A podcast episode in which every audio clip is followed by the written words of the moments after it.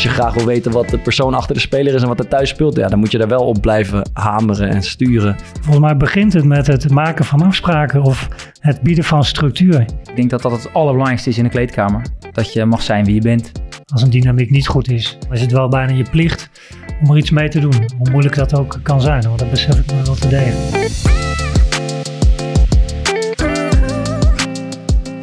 Lieve luisteraars, welkom bij De Jeugd heeft de toekomst. Een podcast van de KNVB over jeugdvoetbal in al haar facetten. Een podcast waarin ik, Piotr van der Marel, samen met een co-host in de wonderenwereld van het jeugdvoetbal duik. Samen met mijn co-host vraag ik mijn gasten het hemd van het lijf. En gaan we op zoek naar hun visie, ziens en werkwijze. Welkom bij De Jeugd heeft de toekomst. Ik doe mijn ogen dicht en denk aan mijn oude kleedkamer. De geur van gras komt me tegemoet. Ook de stank van opgroeiende pubers met de welbekende zweetlucht. Ik zie mijn maatje Jansen weer heel erg druk doen. Willem staat een beetje voor zich uit. En Henny klopt zoals altijd zijn schoenen snoeihard tegen de grond. Dario die lacht om alles. Maar ik vraag me af of hij het begrijpt. Hij is immers net uit Bosnië gevlucht. Hij is wel een enorme aanwinst voor ons team. En dan begint langzaam het omkleden met ieder zijn eigen ritueel. In dit geval 15 gasten in een hok. Afkomstig uit verschillende wijken, zit op verschillende scholen in ons dorpje. Hoe creëer je nu vredesnaam van dit zootje ongeregeld een team? Wat is jouw rol hierin als coach? En wat is teamdynamiek? En wat zijn de do's en don'ts? Oftewel, we duiken de kleedkamer in met sidekick Nick aan mijn zijde. Gasten vandaag zijn Bart Vriends, speler van Sparta Rotterdam en podcastmaker van de Core Podcast. En Sander Roegen, verantwoordelijk voor presteren, ontwikkelen en innoveren binnen de nationale jeugdteams. Bart, hoe anders is jullie kleedkamer op het hoogste niveau van Nederland? Um, vergeleken met dit verhaal, uh, identiek denk ik. Um, ook jongens uit allerlei rangen en standen, van allerlei afkomsten. Uh, en bij ons komen ze ook uit Bosnië of uit Noorwegen of uit Spanje, maar ook gewoon uit Rotterdam-Zuid of uit Amersfoort. Um, ja, ik vind het altijd een hele mooie ja, afspiegeling van de maatschappij en ook een, een mooi voorbeeld van ja, hoe je, ondanks al die verschillende rangen en afkomsten, met elkaar om hoort te gaan. Um, en dat de hiërarchie niet bepaald wordt door je opleiding of je afkomst, maar door wat je laat zien op het veld. Of hoe groot de mond je, uh, over hoe groot de mond je hebt in de kleedkamer. En dat is volgens mij wat zuiverder dan uh, soms in de, in de maatschappij gebeurt. Hey, Pilte zei bij zijn intro, soortje ongeregeld. Heb je ook het idee dat, dat het seizoen zo begint? Van hey, alles moet nog vormen, er is nog...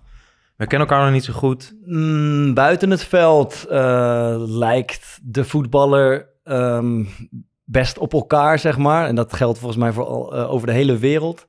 Uh, op het veld merk ik altijd in de eerste paar dagen uh, dat het een, een heel opgewonden, ongeregeld zooitje is. Iedereen doet, loopt zich uit te sloven. Er zit heel weinig structuur in het spel. Um, ja, dat is, dat is echt een maar dat, dat, dat vormt zich wel snel, vind ik. Ja. Sander, um, Jij uh, als uh, veel meer beleidsbepaler hierin, hoe ga jij hiermee om met zo'n kleedkamer? Heb je een, daar tips voor? Nou, ik moest even, nu wat Bart net schetste, er zijn, ik wil niet gelijk de theorieën, maar er zijn vanuit de theorie wel concepten bekend, hè? zoals de, de teamstadia, hè, waardoor teams heen gaan. En als je net bij elkaar komt, heb je altijd de zogenaamde kennismakingsfase of beleefdheidsfase. Dus even aan elkaar snuffelen en ruiken, wie doet wat. Uh, hoe verhouden we ons tot elkaar? Um, dus ik denk dat dat, dat, um, altijd goed is hè, als coach of, of uh, nou ja, eh, misschien zelfs wel als je nou voor de klas staat of op je werk. Kijk, daar waar mensen bij elkaar komen, ontstaat in de regel eerst een kennismakingsfase. Dat is er gewoon. Hè? Dus wie ben ik, wie is de ander? Hoe verhouden we ons tot elkaar?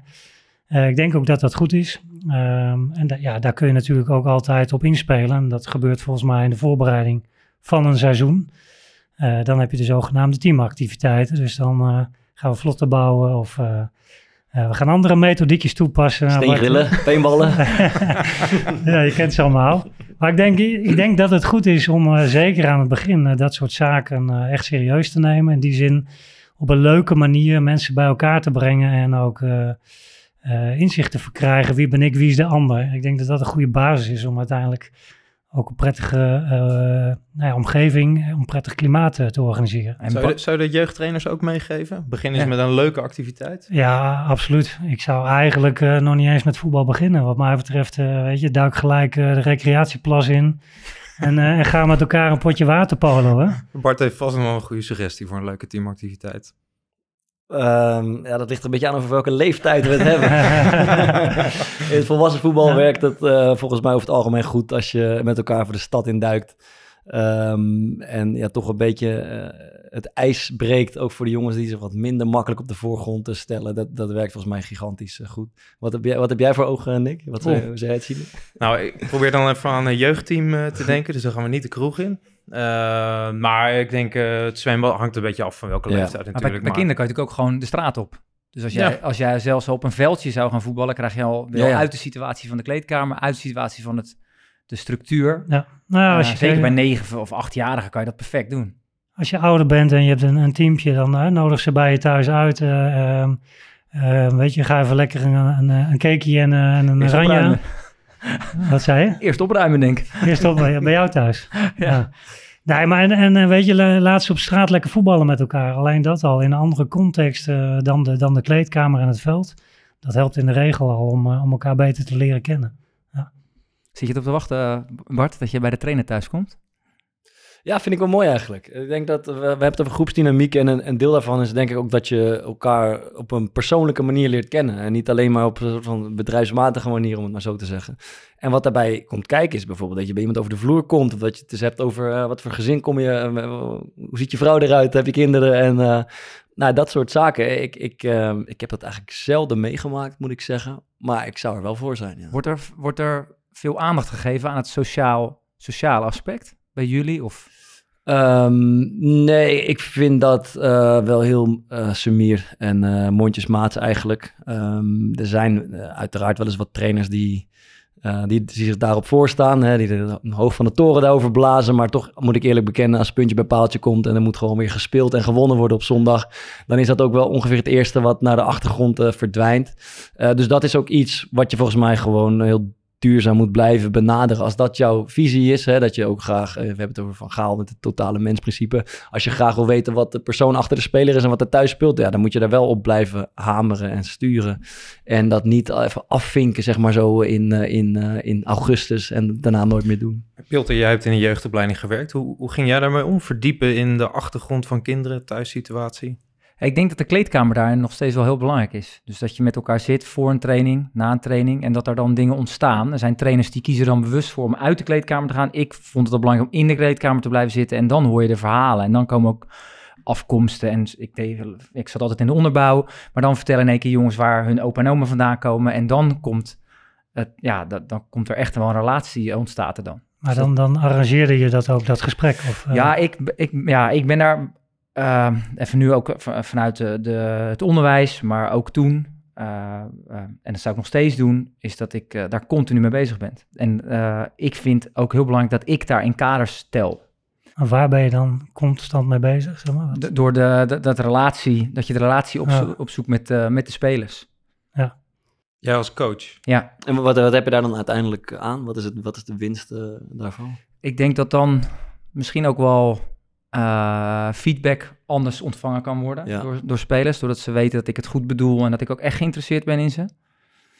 Eh, en dat ze ook, zich ook veilig voelen. En ik denk Ja. dat dat spelers, dat dat het allerbelangrijkste is in de kleedkamer. Dat je mag zijn wie je bent.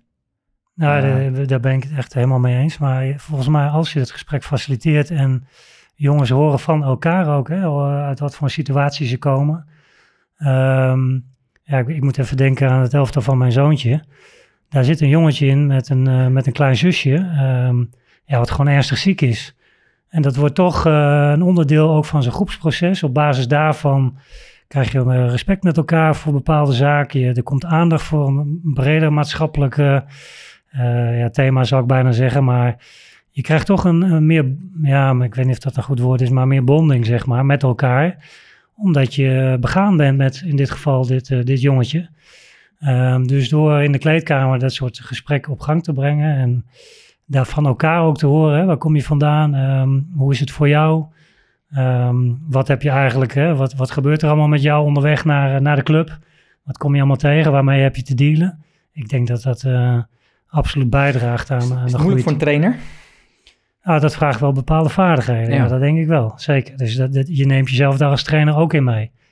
Eh, het is niet makkelijk om eh, kwetsbare zaken te benoemen of eh, bespreekbaar te maken. Dus het, ja, dat is best wel een uitdaging. De vraag is dan ook of je dat zelf als trainer zou moeten doen. Als, je dat, als je er niet zo heel erg lang bij voelt. Daarvoor, weet je, je kan ook, als je een jeugdteam hebt, misschien is er een ouder die dat leuk vindt. Of er zijn altijd natuurlijk wel meerdere wegen om dit soort zaken in te regelen. Ja, eh, het, het helpt volgens mij sowieso al als je als trainer, zeg maar, als je dat verwacht van spelers, dat ze iets opens tonen of iets eerlijk zeggen over het thuis, omdat je dat zelf, dat je zelf ook bereid bent om dat te doen. Ja, het begint bij jou, denk Eh, ik dat is in ieder gesprek volgens mij zo. eh, ik kan een hele intieme vraag aan, jou gaan stellen, Sander. Maar dat zal makkelijker antwoorden zijn als ik zelf ook al een voorzetje had gegeven, zeg Ja, maar. ja. Dus, dus dat. En, en om het even naar het, echt naar het topvoetbal te trekken. Ik zit altijd, als het over dit onderwerp eh, gaat, aan Jurgen Klopp te denken van Liverpool. En er zijn natuurlijk heel veel van die beelden dat... Als je ziet hoe hij na de wedstrijd eh, met zijn spelers omgaat, dat voelt helemaal niet theatraal of eh, winst of verlies lijkt niet uit te maken. Maar je ziet daar gewoon een soort persoonlijke band tussen eh, vader of vriend, klopt bijna, en, en, en spelers die al zoveel hebben meegemaakt. Maar ik vind dat altijd een schitterend voorbeeld van, ehm, ja, van hoe je eh, op een sociale manier, maar toch de hiërarchie kan be- behouden, maar op op een sociale manier met elkaar om kan gaan. En ja, dat vergt ook gewoon, eh Klopp is een hele, denk ik, hele intelligente en eh, sympathieke, empathische man. Dus dat is ook een talent natuurlijk. Maar dat is wel denk ik iets om naar te streven als En Hij- authentiek, denk ik. En wat ik van hem ook knap vind, is dat hij daar dus ook fans in mee weet te krijgen. Ja. Want daar is hij ook Ja, ja. wel heel bewust mee bezig, volgens mij. Ja, zij zijn heel, ook eh, heel erg bezig met die missie en visie binnen de club. Van bovenaf, of tenminste met elkaar. Eh, maar ik heb eh, een, eh, een, een stukje gisteren van hem eh, bekeken. En hij zegt, ik bedenk me steeds in wat voor so- soort groep ik zelf zou willen horen. Nu ben ik leidinggevende en kan ik deze spirit creëren in mijn team. Ik wil me comfortabel voelen in, in een groep spelers. Ik wil dicht bij mijn spelers staan. Ik ben hun vriend, maar niet hun beste vriend. Want ik kan namelijk niet altijd doen wat zij willen. Maar als het kan, probeer ik het wel. Geef ik jou nou een panklaar voorzetje? Het is die zo niet normaal. Deze kop ik echt af. Het is geweldig dat je die klaar hebt. Eh, Deze was het is niet uit de voorbereid, kruising, hè? pluk ik Niet voorbereid. Zijn jullie samen deze kant op gereden? maar eh, het is wel een treffend, eh, een, een, een Ja. heel treffend verhaal. Maar dan praat je over top. Dan praat je over top. En het gaat dus eh, niet over voetbal. Het gaat over... Ja, ik heb nog een tijdje bij PSV mogen werken. En eh, dat was in de tijd dat eh, nou, Mark van Bommel, Ruud van Nistelrooy, Kevin Hofland hun eerste zeg maar, eh, meters maakten als trainer. We hadden destijds ook een pedagoog eh, uitgenodigd. En die kwam met eh, de driehoek eh, relatie, competentie en autonomie. En ik, kan me nog heel goed herinneren dat, dat we best wel lang hebben ge- geboomd over wat is dan een relatie. Hè, moet ik dan met iedereen vrienden zijn of moet overal de arm omheen? En eigenlijk was de slotsom dat, dat een relatie zeg maar, binnen de voetbalcontext is dat een speler het voelt ehm, dat je er onvoorwaardelijk bent Voor, zijn ontwikkeling. Dus dat alles met alles wat jij doet en de passie en de energie die je geeft, dat je hem wil of haar eh, wil helpen om beter te worden.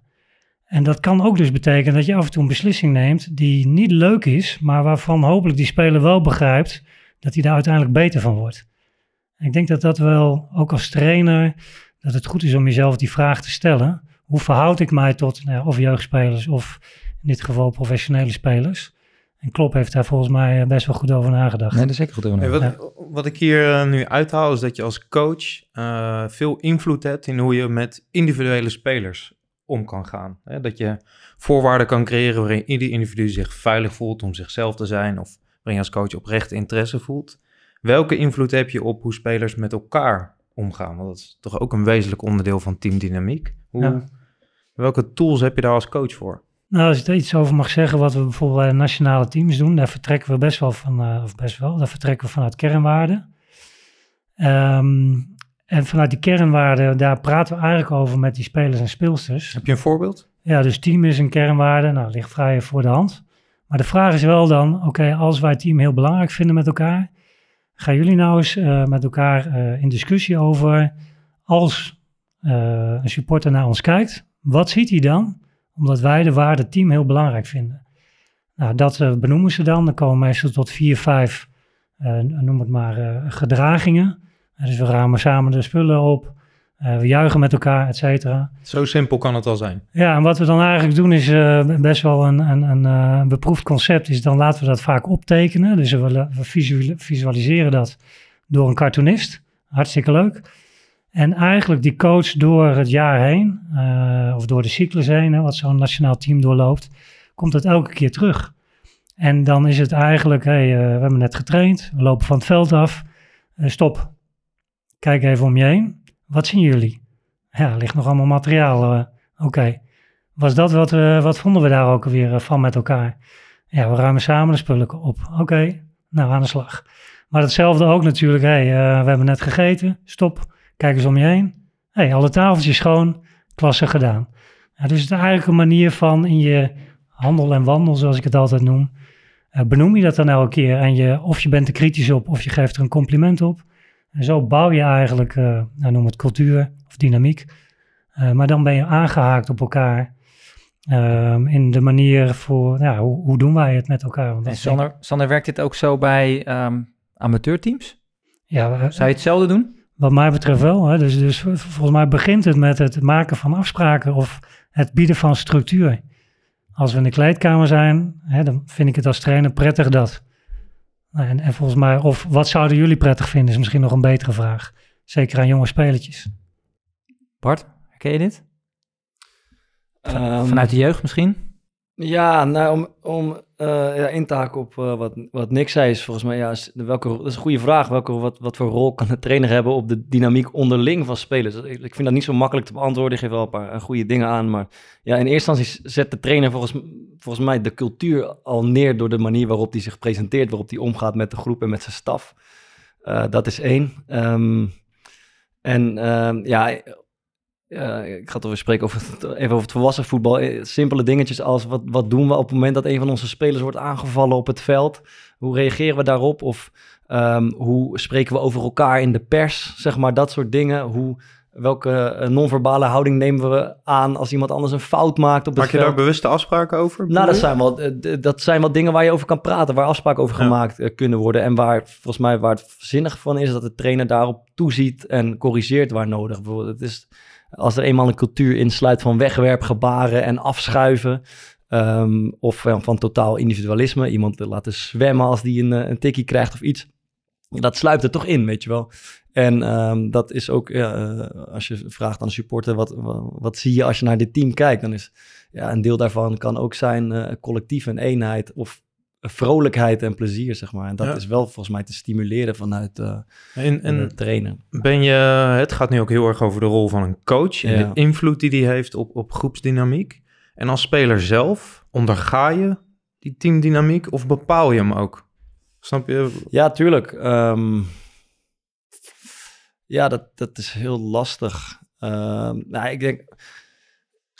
ehm, Hangt misschien van je rol af. Hè? Jij bent Ja, de tuurlijk. bepalende speler in de selectie van van, je, Sparta. en van je karakter natuurlijk. Ik probeer ook een beetje aan jeugdvoetbal terug te denken. Ik denk dat jeugdspelers nog best wel kwetsbaar zijn. En ook niet altijd dat daar de hiërarchie... Of dat, dat er nog niet altijd bepaald is. ehm, dat, nou, laat ik zeggen dat de hand van de trainer ook nog eh, belangrijk is. Weet je, dat is ik, ik vind dat lastig inschatten, maar dat denk ik. En in het volwassen voetbal eh, heb je zeker spelers nodig die... nou, ik, ik kan een voorbeeld geven van, van onze eigen ploeg. Zeg maar, als wij, eh, het gaat hartstikke goed, maar we leiden een nederlaag. En dan zijn er altijd wel een paar mensen waaraan, aan wie je proeft van... Hey, die tillen er heel zwaar aan. Het lijkt om te slaan naar een negativisme. En dan vind ik het altijd heel eh, constructief en prettig als er een paar spelers zijn die ook even de realiteitszin eh, voor ogen houden en zeggen: Boys, kom op man. eh, ehm, eh, het gaat toch, eh, we staan er toch goed voor. Laten we ook niet helemaal in zak en as gaan zitten met z'n allen. En dat, dat kan toch een beetje een belangrijke draai geven aan de, aan de sfeer in het team. Maar mooi inzicht ook dat je in jeugdvoetbal misschien wel bewust moet zijn als coach dat je nog bepalender bent op de invloed van. Ja, Ik, ik vind, Teamdynamiek? ik vind eh, eh, in dat soort dingen vind ik jeugdspelers vaak eh, veel, eh, veel makkelijker omgaan met, met, eh, met afspraken of een cultuur. Die dragen echt een cultuur. Terwijl ik, terwijl ik bijvoorbeeld merkte bij het seniorenvoetbal dat er veel meer de egootjes waren, eh, waren aanwezig. Oh ja? En die, ehm, Meer praten over elkaar Ja, dan met elkaar. ja. en bij de jeugd, die, die, die, die zijn nog wat kneedbaarder of zo. Ja, nee, wat, wat ik vooral merk, merk is dat je dat er echt bepaalde afspraken worden nagekomen. Hey, jongens, nu allemaal alles opruimen. En dan gaat, gaan ze het ook echt allemaal opruimen. Daar zijn ze heel erg verantwoordelijk voor. Of we gaan altijd de kok bedanken. En dan gaan ze allemaal... Nou, daar staat de kok weer, eh, stond weer ergens te huilen. Want eh, hij werd nooit zo goed bedankt. Maar dat, zijn, dat, doet, dat, dat dragen spelers van jonge leeftijd wel makkelijker, denk ik. Oh ja. Maar ik denk wel dat dat opvoeden is.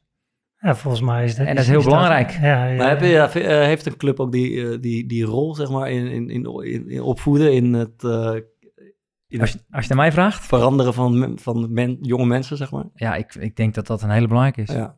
Ik denk met thuis en school is dan even de club of de hobby. Ja. Hebben we het nu over betaald derde. of ook amateur? Nee, amateur zou ook, Dat denk is ik. best een verantwoordelijkheid die je daar neerlegt, ook bij, Ja. bij coaches. Ja, dat is wel waar. Ja, maar ik denk dat het... ja, maar het, zit, het zit bijna op een diepere laag. Het is bijna, denk ik, waarde gedreven, weet je. Dus het is la- normaal met elkaar omgaan is iets wat je... eh, nou ja, dat zou je eigenlijk al, al, al kunnen neerleggen in zo'n jeugdteam. Ehm, en dan kun je elke keer als er iets gebeurt, zou je die vraag kunnen stellen. Is dit wat wij eh, eh, als normaal beschouwen met elkaar? Dus je kunt daarin... Maar ik denk dat je zeker bij...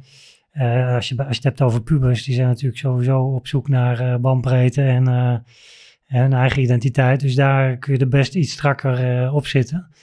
En wat meer nou, sturend zijn. Maar daarna kom je nou ja, bij de jongvolwassenen. Ja, daar is het misschien alweer wat meer het hiërarchische verhaal. Je plek bepalen. Nou, ook dat vraagt natuurlijk wel wat duidelijkheid. Maar ik denk dat, ehm, dat je daar als coach zeker een rol in kunt hebben. Ehm, spelers onderling is best lastig hoor, om in zo'n team. Dat zei jij net ook al, Bart, hè, dat, dat eh, uiteindelijk is de, is de hiërarchie in een team wel een bijzondere. Want je kan, je kan bovenaan die ladder staan omdat je gewoon even plat gezegd een grote bek hebt. Dat kan. Maar je kunt ook bovenaan staan omdat je gewoon fantastisch kan voetballen. Ja. Ja. En dat is wel heel bijzonder. Dus ook een heel ingetogen, eh, eh, zeg maar, eh, analytisch karakter kan toch bovenaan die ladder staan en informele leider zijn. Terwijl, nou ja, en nogmaals, degene die niet zo goed kan voetballen, maar wel een, behoorlijke babbel heeft, ja, ook toch in die dynamiek behoorlijk eh, leidend kan zijn. En moet je daarop inspelen of, of moet je dat laten zoals het... Ik bedoel, een, ik denk vooral in jeugdteams een, een, een hiërarchie smeet zichzelf ook een beetje. Hè, door, door wat je Ja. zegt, wie heeft de grootste mond, wie is het oudst en wie kan het beste voetballen. Ja. Is dat iets gezonds in jouw ogen of moet je daar een beetje op... op, op, op eh, Nou ja, volgens Sturen. mij, volgens mij is het gezond en is dat hoe het werkt. Het is bijna natuur, zou ik zeggen. Eh, maar waar je, eh, waar je plicht zit, zou ik bijna willen benoemen, is dat je, dat je bewaakt of het veilig blijft. Hè, want als het, als het die kant op gaat dat mensen worden buitengesloten of gepest of whatever, ja, dan, moet je, dan moet je erbij zijn. Dan moet je echt wel ingrijpen, vind ik. ja, ja, ja. En daar kun je, als je daar goed op let en dat bespreekbaar maakt en eh, goed op acteert, dan, dan kun je die dynamiek wel degelijk eh, op een positieve manier beïnvloeden, zou ik zeggen. Wat is een goede eigenschap van een trainer? Daarin, in teambuilding, in eh, groepsdynamiek. Wat, wat moet je beheersen? Ja, ik, ik zou bijna zeggen dat het, dat het prettig is als je wat gezegend bent met eh, empathisch vermogen. Ja. Dus dat je toch wat voelsprieten hebt over hoe dat werkt. Ehm, maar daar niet alleen dat je het voelt, maar dat je er ook eh, wel naar handelt. Ik denk dat dat belangrijk is. Ja, en dat je de kunst verstaat om niet gelijk te oordelen wat mij betreft. Hè? Dus niet gelijk eh, met gestrekt been erin, maar vooral te bevragen. Verwonder je over dat wat er gebeurt. En bevraag dat. En dat kan eh, soms een keer in de groep, maar dat kan ook één op één of eh, met een tweetal. Eh, maar ga op onderzoek uit in plaats van je oordeel al klaar te hebben. Ik denk dat dat wel grote valkuil is in de voetbalwereld. We vinden ergens iets van en we gaan het oplossen, of we gaan het voor de ander oplossen, laat ik het zo zeggen. Dus we gaan niet even te raden bij, hey, wat is hier gebeurd, hoe komt het? En nee, als we het zo gaan doen, dan zal het wel beter gaan voor hem of voor haar. Eh, ik denk dat dat te kort door de bocht is. Nick? Onderzoeken. Onderzoeken, verwonderen. Ja, verwonderen. Ehm, ja, ik kan me hierbij aansluiten. Ik denk oprechte interesse tonen in eh, de speler. Dus eh, dat, zal, dat, dat raakt wel een beetje aan wat Sander zegt over empathisch vermogen. Maar die, die oprechtheid om nou ja, te verplaatsen in iemands achtergrond, omgeving, maar ook wat diegene drijft. En dat kan ook bij jeugdspelertjes eh, zijn. Ik denk dat dat eh, ervoor zorgt dat iemand zich gezien, gehoord eh, voelt. ja, ik denk dat dat dan een hele belangrijke is. Ja, ik, denk- ik, ik, denk ook dat je, je hoeft dat niet met iedereen te doen. In mijn beleving, als je kijkt naar groepsdynamiek, waar mensen samenkomen, ja, je, je hebt van nature, met je, als je noem het 15 spelertjes hebt, heb je met acht misschien een, een klik, zomaar. Vraag me niet waarom, maar je hebt het gewoon met Mhm. iemand. Ook als coach. bedoel Als coach, ja, ja, Ja. ja. ja. Of eh, ook wel in het team zelf met andere spelers. Maar er is ook altijd een categorie waarbij je denkt, hm, hey, hoe werkt dat nou voor hem? En ik denk dat je vooral daarin moet, dan zou moeten investeren. Hè, door een gesprekje of eh, nou, wat verder eh, door te vragen. Ehm, dat daar je vooral je aandacht naar uitgaat om die beter te leren kennen. Goed Denk punt, ik. vind ik, ja. Bart, Zeker. vind jij belangrijk Ehm, voor een trainer? Nou ja, eh, even empathisch vermogen wil ik ook zeggen. Volgens mij is, is bijna de letterlijke betekenis daarvan het vermogen om je, om je in een ander te verplaatsen. Eh, en eh, wij grappen daar ook wel eens over met spelers onderling of vrienden. Eh, eh, de trainer verliest gaandeweg nog wel eens het vermogen om te voelen hoe hij zelf als speler was.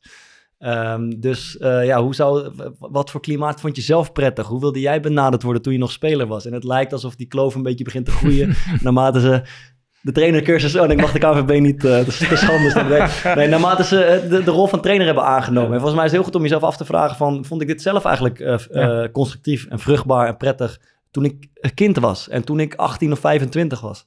Eh, en ehm, ja, je wordt toch al heel snel een beetje trainertje of analistje op televisie... terwijl je ook ooit voetballer was. En dat zijn degenen waar je mee te maken hebt. Nou, volgens mij is dat eigenlijk wat klopt, wat jij net Ja. voorlas. Dat, dat, volgens mij is dat wat het is. Ja. Dus, dus eh, ja, eh, we behandelen een ander zoals je zelf behandeld wil worden, hè, zou Ja. bijna kunnen zeggen. En hoe ziet dat er dan voor jou uit? Ik denk dat dat Ja. even een lansbreek voor de KNVB. ja, dat is belangrijk. Dit moeten we weer rechtzetten. Eh, nee, nee, nee, maar ehm, kijk, in de, in de UEFA Pro bijvoorbeeld zetten we heel erg in op eh, wie ben ik. Ja. Dus dat je als coach moet je eigenlijk, zeker op dat niveau, moet je, je moet echt weten uit wat voor een hout je gesneden bent. Hè? Wat, wat zijn belangrijke waarden voor mij? Hè? En eh, ja, dat vind ik altijd een prachtige, maar wat is je leidmotief? Wat, waarom doe je dit nou eigenlijk? Ja. Waarom vind je dat zo leuk? Die vraag vind ik, moet je wel kunnen beantwoorden. Ja. En, en dat gaat echt wel wat dieper dan, eh, ja, leuk met die jongens op het veld staan. Nee, er is een grotere betekenis aan waarom je er bent en wat je Ja. doet, denk ik. Ja, ja. En dat is wel iets wat voor een coach volgens mij van cruciaal belang is. Nou, niet alleen coach, ben zelf vader. Ook in die rol vraag ik me wel eens af, hey, wat vind ik nou belangrijk en, en hoe komt het dat ik zo reageer eh, op bepaalde situaties? Dat zegt alles over mij.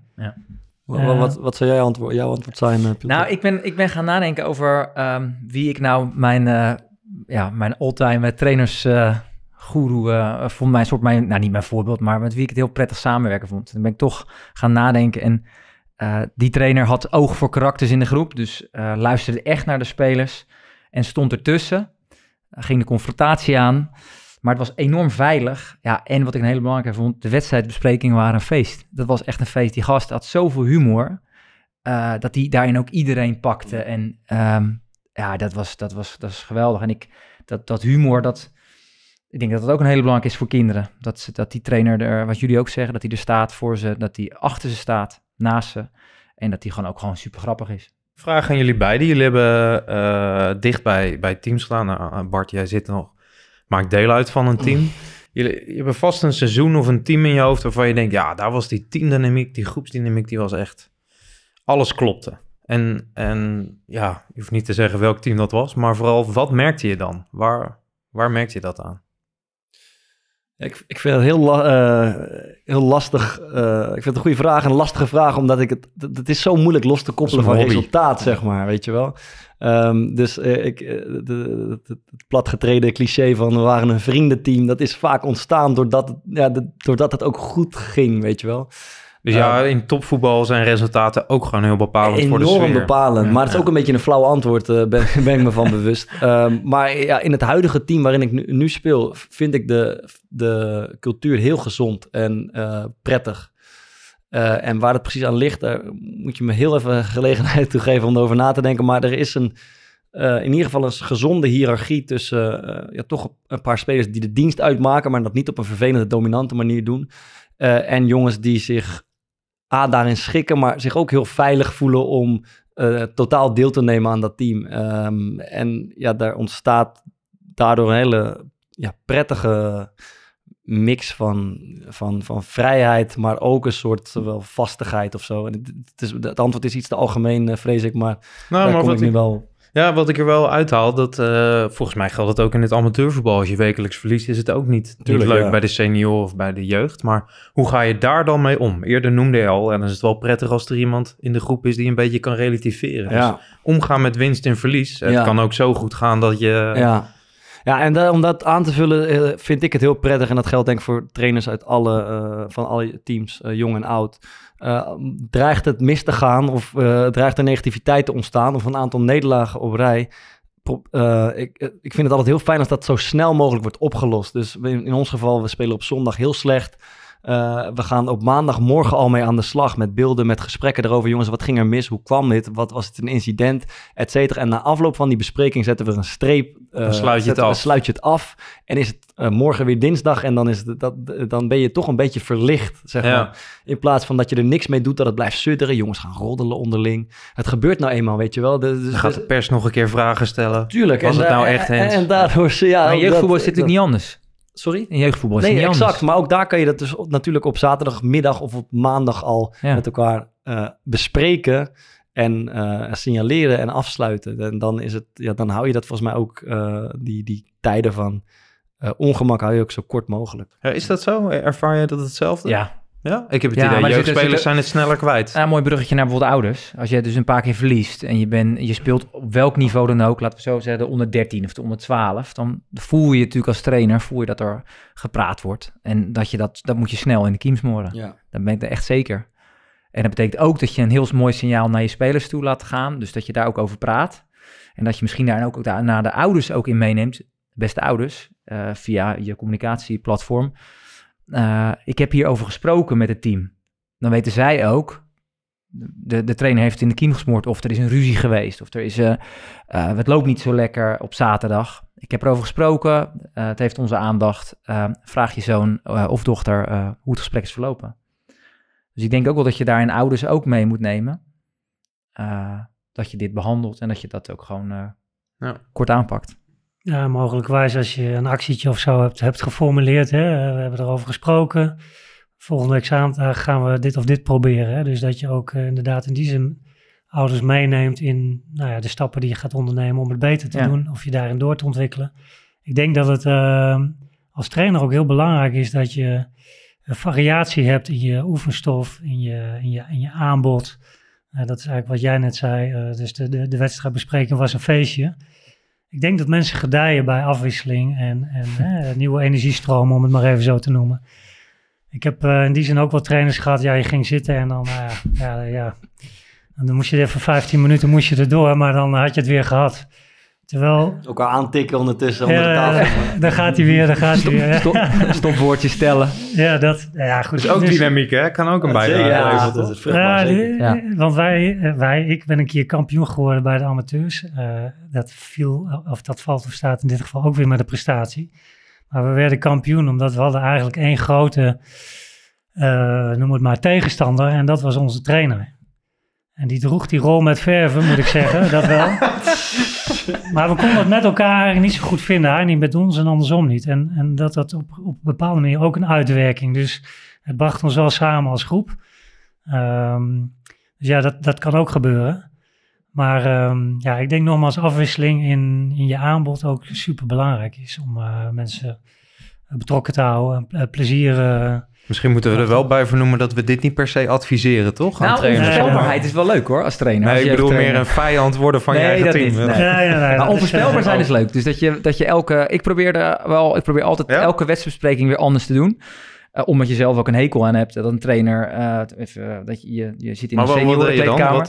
Eh, geen wedstrijdbespreking of eh, zeggen dat ik de opstelling vergeten was. Dus eh, dat, dat deed ik dus ook bij Sparta. Dan zei ik, jongens, ik ben de opstelling vergeten. En zat ik eh, in mijn broek te zeggen. En, en eh, ja, ga, jongens, ga even naar buiten. Ga nu naar buiten.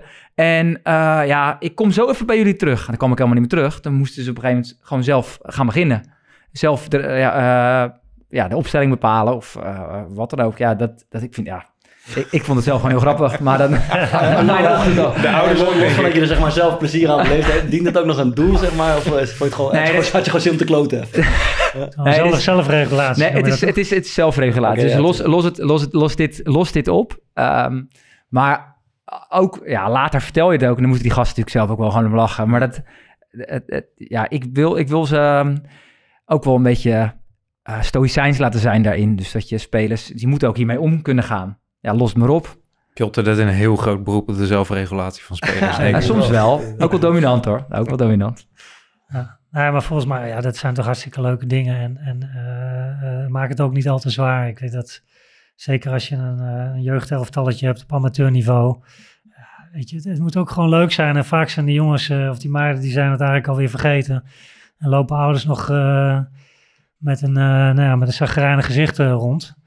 Ehm, ja, en dat ik denk dat jullie het misschien wel vaker over hebben gehad. Maar het gaat om plezier en ontwikkeling. eh, zeker op amateurniveau. Niet meer en niet minder. En eh, natuurlijk is het doel van het spelletje, ja, dat is winnen. Zo simpel, dat is wat het spel is. Maar ehm, na, die, na die tijd, weet je, zet de kleedkamer onder water en ga lekker buikschuiven met z'n allen. Dan, ben je het weer vergeten, toch? Volgens mij gaat het daarom, ja. Wat zijn nou bijvoorbeeld eh, signalen die, eh, die wij als trainers kunnen opvangen als het even niet lekker zit in het team? Wat, waar, waar, waar haal je die informatie vandaan? Ja, nou, ik, ik, ik- vooral goed observeren, non-verbaal, als je goed oplet.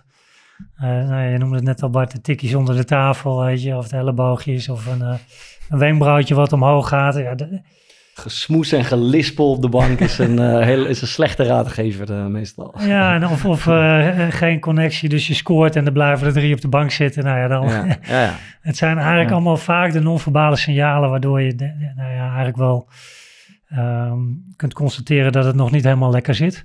En groepjesvorming, eh, dus eh laatste keer, eh, jongens, eh, de warming-up vandaag, eh regel het zelf maar. Nou, kijk maar wat er gebeurt. Wie loopt bij wie? Ehm, ja, en subgroepjes zijn helemaal niet erg. Ik denk dat dat ook goed is om eh, te benoemen. Ehm, maar, je, maar je kunt, ja, nogmaals, eh hey, regelen jullie de training maar en kijk maar wat er gebeurt. We hebben, we hebben wel eens een trainer gehad die, eh, die een soort tafelschikking maakt.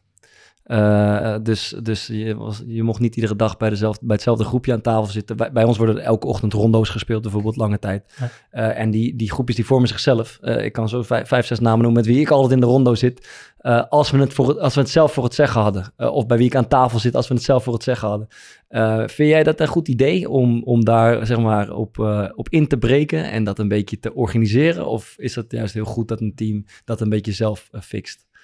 Nou, ik vind het wel een goed idee. Eh, dus bij de nationale teams, eh, zeker in de wat jongere teams, ehm, kiezen we er wel eens voor om ehm, nou, bijvoorbeeld bij het avondeten eh, is de afspraak, je zit sowieso op een andere plek dan dat je tijdens de lunch zat.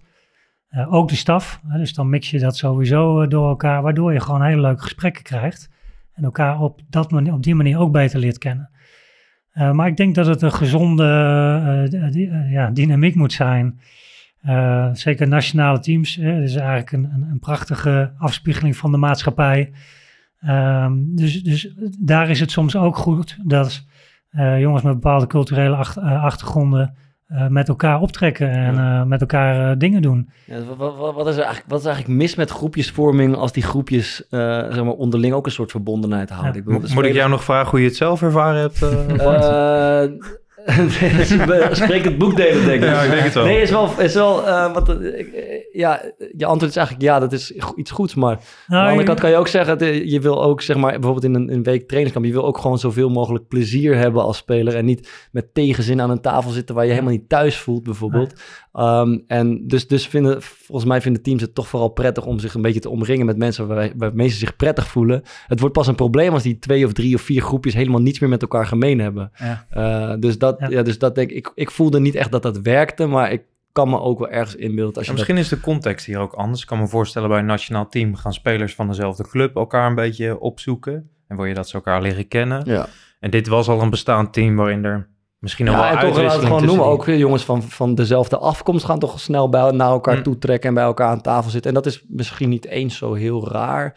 Eh, en wat ik zeg, de, de, de, ehm, de voorwaarde is natuurlijk wel dat het, niet, dat het zich niet helemaal afzondert van elkaar. Maar dat is, het is ook iets heel natuurlijks, toch? Dat je trekt naar degene op wie het meest Ja. lijkt of bij wie je het meest comfortabel voelt. Ja, ja absoluut. Ja. En, en eh, da- daar- ik denk dat je daar ook niet al te moeilijk over moet doen. Maar volgens mij is het ook ja, contextgebonden. Eh, en, en, en gaat het om het vakmanschap, eh, het vingerspitsengevoel van Mhm. de trainer. Ja.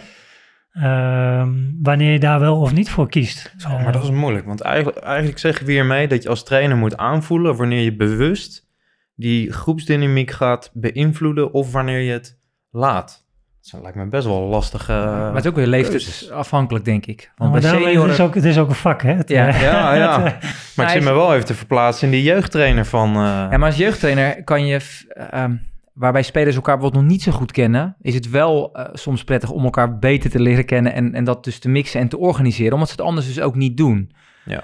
Ehm, maar Dus, bij oké. senioren is misschien, kan je, kan je dat kan je veel meer misschien wel eh, van spelers verwachten, dat ze dit ook zelf beheersen. Dus de, de fase waarin het team zit, Sander, Ja. wat jij er ook al noemde, zijn ze net aan het kennismaken of is het al, zijn er al bepaalde groepjes gevormd of normen? Ja. Dat is heel bepalend. En ben je aan het observeren en heb je het idee dat er door die non-verbale communicatie een probleem is in de dynamiek? Dat, dat zijn er dan twee momenten zijn waarop je dat Ja. probeert te beïnvloeden? Nou ja, volgens mij wel. En of, ja, of het nou een probleem is, maar misschien is het een, eh, komt het tot een ongewenste eh, situatie. Of wil je die voor zijn? Ja, wil je die voor zijn? En ik denk dat dat vooral ook, eh, ook de kunst is van een coach, dat hij ook wel blijft benoemen en bespreekbaar maakt wat hij ziet. of waar hij iets mee zou willen. Soms aan, aan de voorkant uitleggen waarom je iets doet. Ja. En soms, nou jij met die opstelling niks uitleggen, het laten gebeuren en het dan bespreekbaar maken. Eh, dat zijn allemaal eh, eh, keuzes, en dan noem het met een moeilijk woord interventies, ja, die je kunt toepassen. En dat is leuk volgens mij ook om daarmee bezig te zijn. Dat is heel leuk. En, en soms is het ook nodig, omdat, ja, omdat als een dynamiek niet goed is, dan moet je het niet, vind ik, dan is het wel bijna je plicht om er iets mee te doen. Hoe moeilijk dat ook kan zijn, want dat besef ik me wel te degen. Ja. Ik heb ehm, in onze rubriek eh, van, eh, ehm, die wij altijd eh, elke, elke uitzending hebben, heb ik eh, Nathan Rutjes gevraagd wat hij van dit eh, thema vond. Piot, ik wil met jou even terug in de tijd, een kleine 15 jaar geleden. Want toen speelde ik nog in de eerste helft van Sparta Rotterdam. En in het spelershome stond daar een tafeltennistafel. En samen met heel veel andere spelers was dit een zeer geliefd spelletje. Sterker nog, we hadden een interne competitie. Ik hanteerde dezelfde Olympische gedachten, maar dat zou je niet verbazen, denk ik.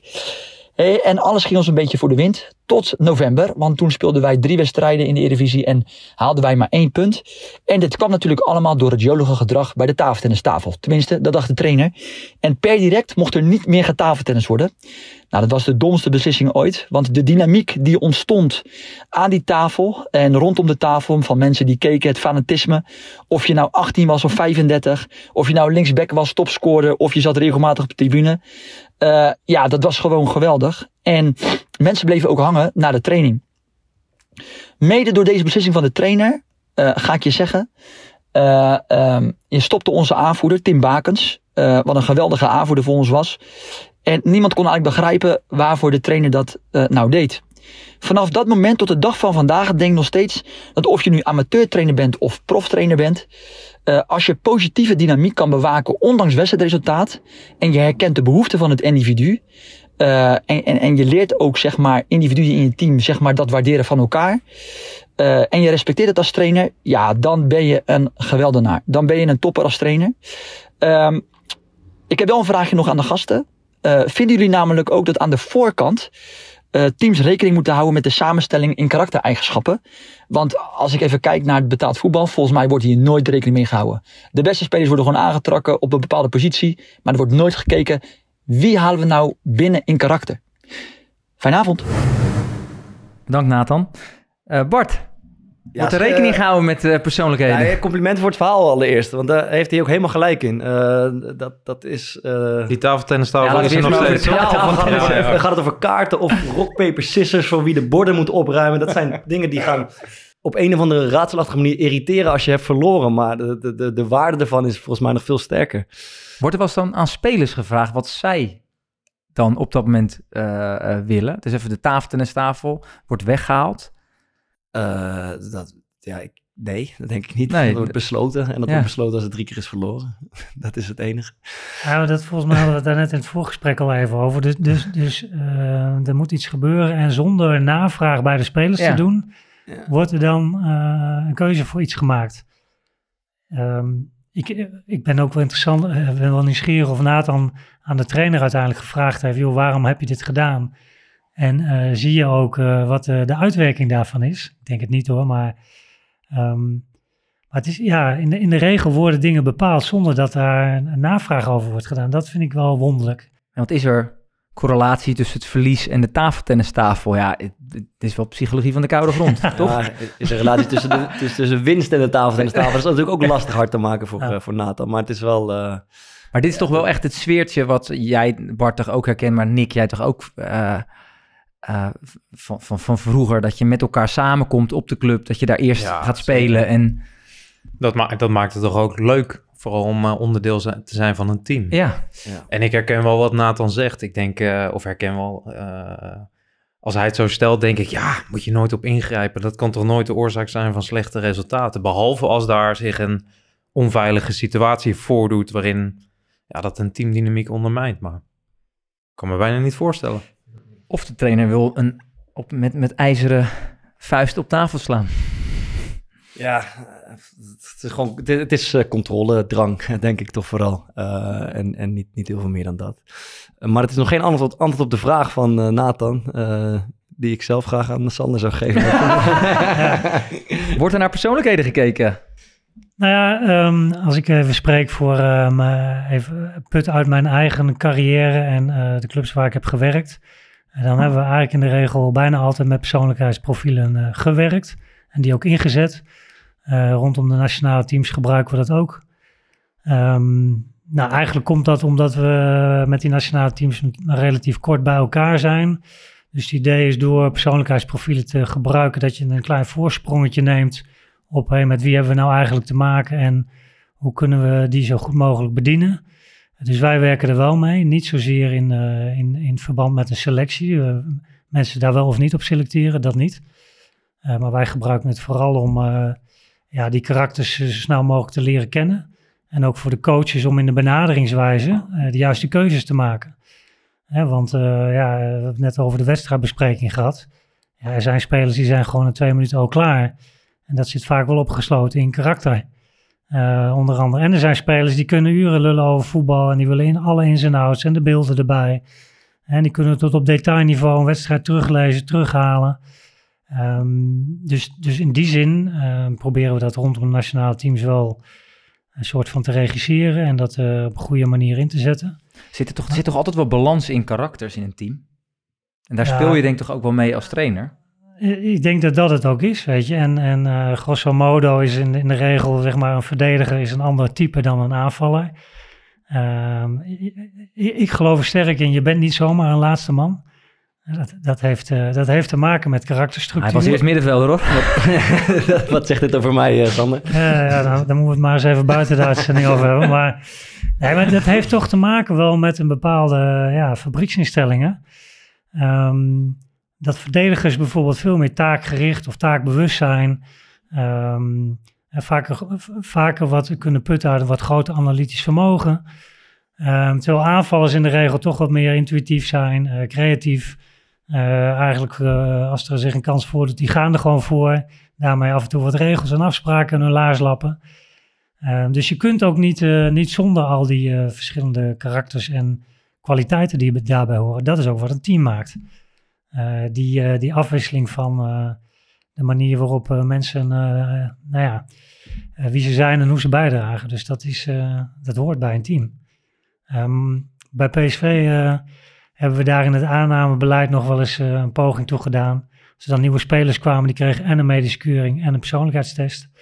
En op basis daarvan schetste ik dan, oké, wie of wat komt er binnen? Wat betekent dat voor het huidige team? En hoe zou dat ja, kunnen bijdragen of misschien ook eh, juist een aandacht, eh, aandachtspunt kunnen zijn? Nou, het, was nooit, het oordeel be- bepaalde nooit of de speler wel of niet gekocht werd, maar er werd aan de voorkant al wel naar gekeken. Ja, dat wel. Ken je dit, Bart? Analytisch, taakbewust. Dat is een mooi Ik zat, compliment. ik zat wel even aan te denken, ja. Ehm, dat klopt voor een deel, ja. Maar ook weer niet helemaal. Ik eh, denk, Gelukkig maar. Ja. ehm, ja, dus geldt toch ook... eh, Maar een andere vraag, wat, wat Ja. maakt dat je geen spits bent? Zeg maar vanuit jouw persoonlijkheid of karakter. Eh, Denk je? Ik dacht dat je het over het voetbalgedeelte ging hebben. Ik zag, ik zag Piotr al opveren. Piotr en ik, we kijken samen wel regelmatig mijn beelden terug. En daarin zie je heel duidelijk terug waarom ik geen aanvaller ben maar ehm, ehm, eh, op karakterniveau, ja, dat, dat, dat is lastig. Dat is lastig. Ik denk dat ik eigenlijk best wel creatief ben eh, in mijn hoofd. Maar ook wel weer wat eh, risicomijdend. En dat, dat pleit dan weer niet voor de, Ja. voor de aanvaller. Ehm, eh, ja, ik, ik heb eigenlijk misschien wel meer het karakter van een aanvaller dan van, dan van een verdediger. Alleen, hey, het skillpakket wil niet meewerken. Ja, dat, dat is ook het mooie aan voetbal. Dat zeg maar om voetbal te spelen, je aan een behoorlijk palet moet voldoen. Ja, hè. zeker, Dus natuurlijk ja. fysiek, technisch, tactisch, karakterologisch, Mhm. eh, mentaal, noem het allemaal maar op. Ehm, maar eh, nogmaals, ik heb het net even gechargeerd gezegd, maar eh, je, je, je doet niet zomaar dat wat je doet, omdat, ja, nogmaals, dat heeft een herkomst. Tuurlijk, dat, ja. dat is mijn heilige overtuiging. ja, ja. Ehm, dus in die zin, ja, kijk, ik moet een beetje denken aan de Moneyball, hè, dus dat is allemaal data-driven dan weliswaar. Ehm, maar je zou best wel eens een keer een, eh, een pilotje kunnen draaien op basis van karakters en eh, op die manier een eh, team samenstellen. Daar kunnen we een podcastje over vullen, denk ik. Dat denk ik ook wel, ja. Maar aan de andere kant zijn mensen ook wel wat, eh, is het, is het, eh, laat ik het zo zeggen, mensen zijn wel wat gelaagd. Hè? Dus je hebt enerzijds, stel Bart en ik, wij hebben dezelfde kwaliteit als mens. Dan nog heb jij andere overtuiging bijvoorbeeld, of een ander wereldbeeld. Hè, waardoor je toch weer anders reageert op bepaalde situaties. Ja. Dus, dus de- de- de- het zijn van de mensen is wel iets eh, Mhm. gecompliceerder dan alleen eh, persoonlijke voorkeuren. Wat, wat geldt er in jouw voor positie, eh, Nick? Op het veld bedoel je? Tuurlijk, ja. nu coach. Nu coach. Ja, Nee, nee, op op- basis van je karakter dan, hè, als je dit hebt aangevoerd. Eh, nou, ik ben eh, eh, opgegroeid als, als laatste man. ja. Ja, en toen werd ik op een gegeven moment op het middenveld eh, gezet. Maar, Maar- daar, daar had ik de vaardigheden helemaal niet voor. Oké, maar je karakter, wat, op basis van je karakter, welke positie zou je bekleden? Oeh, Becky. Simpel Becky. wissel. Ja. Ja, dienende speler. Nee. Altijd tien. Nee, ik was wel eh, op basis van mijn karakter. Ik vond het wel leuk om aanvoerder te zijn. Ah, een soort verlengstuk van de trainer. Dat vond ik wel eh, meedenken over speelwijze en eh, dat dan binnen de lijnen uitzetten. Dus ik stond wel altijd in de as. Dat vond ik ook wel het leukste. Ik zag het eerlijk gezegd ook wel een beetje als een degradatie. Als ik, eh, de nee, dat is niet waar. nee, ik vond de as vond ik wel eh, leuk. Hey, eh, mag ik nog iets voorleggen? Want, ehm, Voordat we naar de tips gaan trouwens. ja, precies. Want ik, eh, ik herken hem wel een beetje in het verhaal wat Nathan zei. En ook wat al naar voren kwam. Ik ben dus trainer nu van een team. En afgelopen seizoen, eh, gezellig eh, recreatief team, laat ik het zo even framen. Afgelopen seizoen, winning streak geëindigd. eh, een beetje in speelwijze, klein beetje ingeslepen. Nou, dat ging ook hartstikke goed. Eh, begin van dit seizoen beker. twee keer winnen, één keer gelijk. Kiepster raakt geblesseerd. Nou, dat is wel eh, bepalend. Ehm, maar nu, we zijn de competitie begonnen. Drie keer al ongelukkig verloren. En de laatste wedstrijd was, nou ja, eh, qua uitslag was het, eh, het was wat geflatteerd. Maar ja, ik, ik loop er nu wel een beetje tegenaan. Dat ik denk, oeh, hoe... Ik ben al aan het anticiperen, weet je wel, op de speelsters die straks naar me toe komen en zeggen... Ik, ja, dat verre vooruit, ja, dat verre vooruit verdedigen, moeten we dat nou wel doen? Ja. Wat, wat voor tips hebben jullie voor mij? Hoe moet ik hiermee mee omgaan? En vooral om die sfeer in die groep een beetje... eh, Wat is de leeftijd? het zijn senioren. Oh, oké. Ja. Ik zeg eh, recreatief eh, een plasje opzoeken. Steengrillen. Steengrillen. Ja, kijk. Die neem ik mee. Ja, nee, ja. Ehm, Nou, de vraag, is ook vraag. Even, de vraag is ook even, jij bent al aan het anticiperen, dus jij bent al iets aan het bedenken. Ja, dat merk ik aan mezelf. Dan denk ik, oeh. Ja, dus het zou interessant kunnen zijn om ze daar zelf eens bij te betrekken. Dit is wat ik merk, dit is wat ik denk, dit, zijn, dit is hoe ik erin zit. Hoe kijken jullie daarnaar? Ja, want, want, Of eh, zij hetzelfde ervaren als ik. Van, Ja, we wachten meestal als trainer totdat het uiteindelijk fout gaat. En dan zeggen we, ja, maar ik heb dit al vrij lang, voel ik het aan en nu ga ik ingrijpen. Terwijl veel trainers grijpen niet in op het moment dat hun gevoel al zo is. Ja. Dus dat je zegt, ik voel nu dit.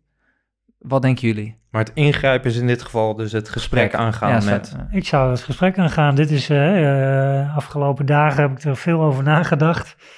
Dit is waar ik mee rondloop, maar hoe, hoe zien jullie dat eigenlijk? Ja. Ehm, want daarmee maak je het eh, onderdeel van het team. Eh, en in die zin ook gedeelde verantwoordelijkheid, zoals dat zo mooi heet. Maar dat is eigenlijk wel een beetje... Voordat zij met witte zakdoekjes gaan. Ja, ja, dan, ja, dan eh, is het al geschied, zeg maar, Ja.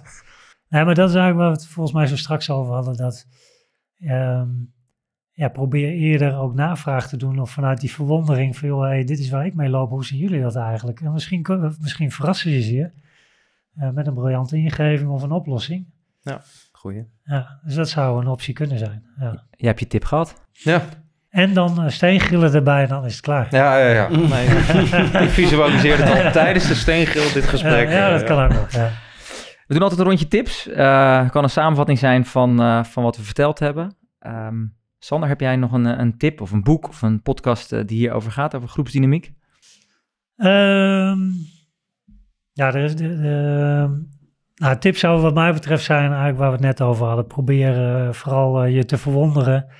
Ehm, uiteindelijk is er ook een mooie uitspraak. Je ziet wat je wil zien en je hoort wat je wil horen. Dat doe je vooral als je in je eigen eh, focus zeg maar blijft zitten. Ehm, dus, dus vraag ook mensen, hey, hoe zien jullie dat? Dit is wat ik ervaar, wat zou je doen? Dus probeer het ook wat breder eh, te zoeken. Ehm, volgens mij ook goed om, eh, je hoeft het niet alleen te doen. Dus je hebt een spelersgroep, soms heb je, als je de gelukkige omstandigheid hebt om een assistent-trainer te, te hebben. Of vraag eens een ouder, hey, hoe kijk jij daarnaar? Als het gaat om teamdynamiek. Ehm, maar ik denk vooral veiligheid heel belangrijk. Hè? Dus creëren een omgeving waar mensen zich veilig, gehoord, gezien en gewaardeerd voelen. Absoluut belangrijk. Ehm, en ik denk zeker op amateurniveau plezier, afwisseling, leuke dingen doen. Ook gewoon een training skippen en ga lekker slootjes springen. Hartstikke leuk. En hopen dat er eentje in valt. Dan heb je de avond van je leven. Ja, dus ik heb het zelf denk ik vaak terug aan mijn basisschooltijd. Ja, wat weet je daar nog van? Dat zijn eigenlijk twee dingen. Dat was eh, de driedaagse schoolreis. En dat was het toneelstuk, of hoe heet dat, de musical. Had allemaal niks met eh, school te Ja. maken. Maar dat was wel wat je herinnert. En ik denk dat, probeer het ook met regelmaat te doen. Gewoon leuk, Mooi. plezier, veilige omgeving. Eh, ja, dat. En eh, maak het niet al te zwaar. Neem jezelf Nee, niet al te serieus. dat- Dat, is ook... Doen wij hier ook niet. Nick?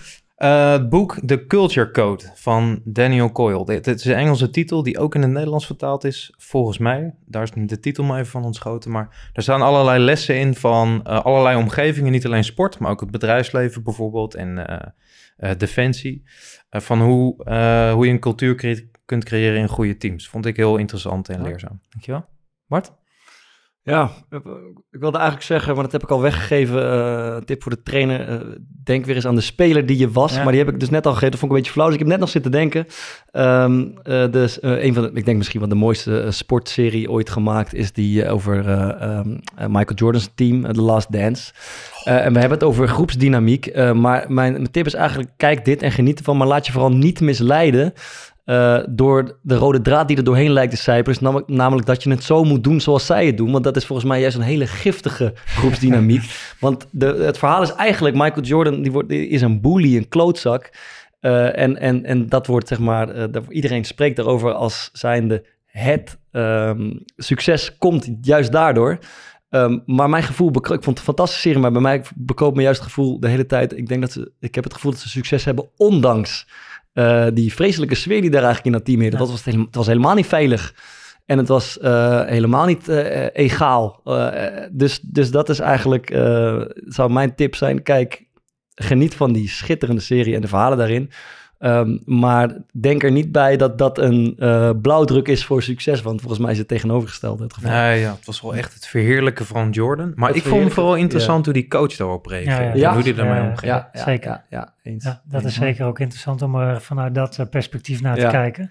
Maar eh, eh, aan te vullen, zeg maar, Jordan is, wordt, is een totale individualist. En dat is Dennis Rodman ook.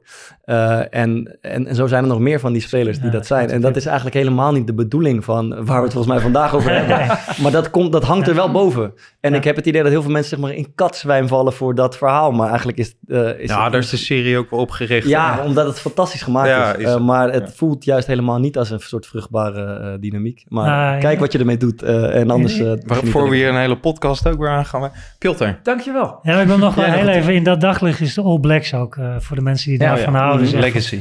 Legacy is een prachtig boek en er is ook een serie over, is ook prachtig. Ja. Ja. Ja, ik heb, ik heb eh, het boek van eh, Bas Kodden, De kunst van duurzaam presteren. Dat is een boek uit eh, 2017, eh, waar ik veel aan gehad heb in, eh, om te kijken naar eh ja, eh, waardegedreven eh, leiderschap en om te komen tot teamgroei of eh, ja, teamwinst en wat het dan ook mag zijn.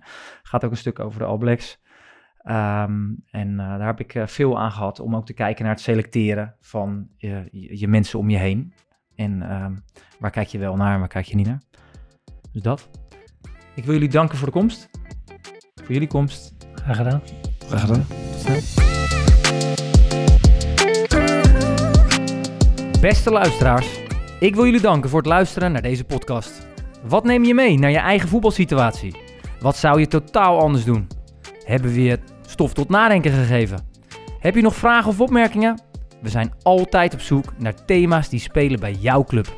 Laat het ons weten en mail dit naar voetbalontwikkeling.kvb.nl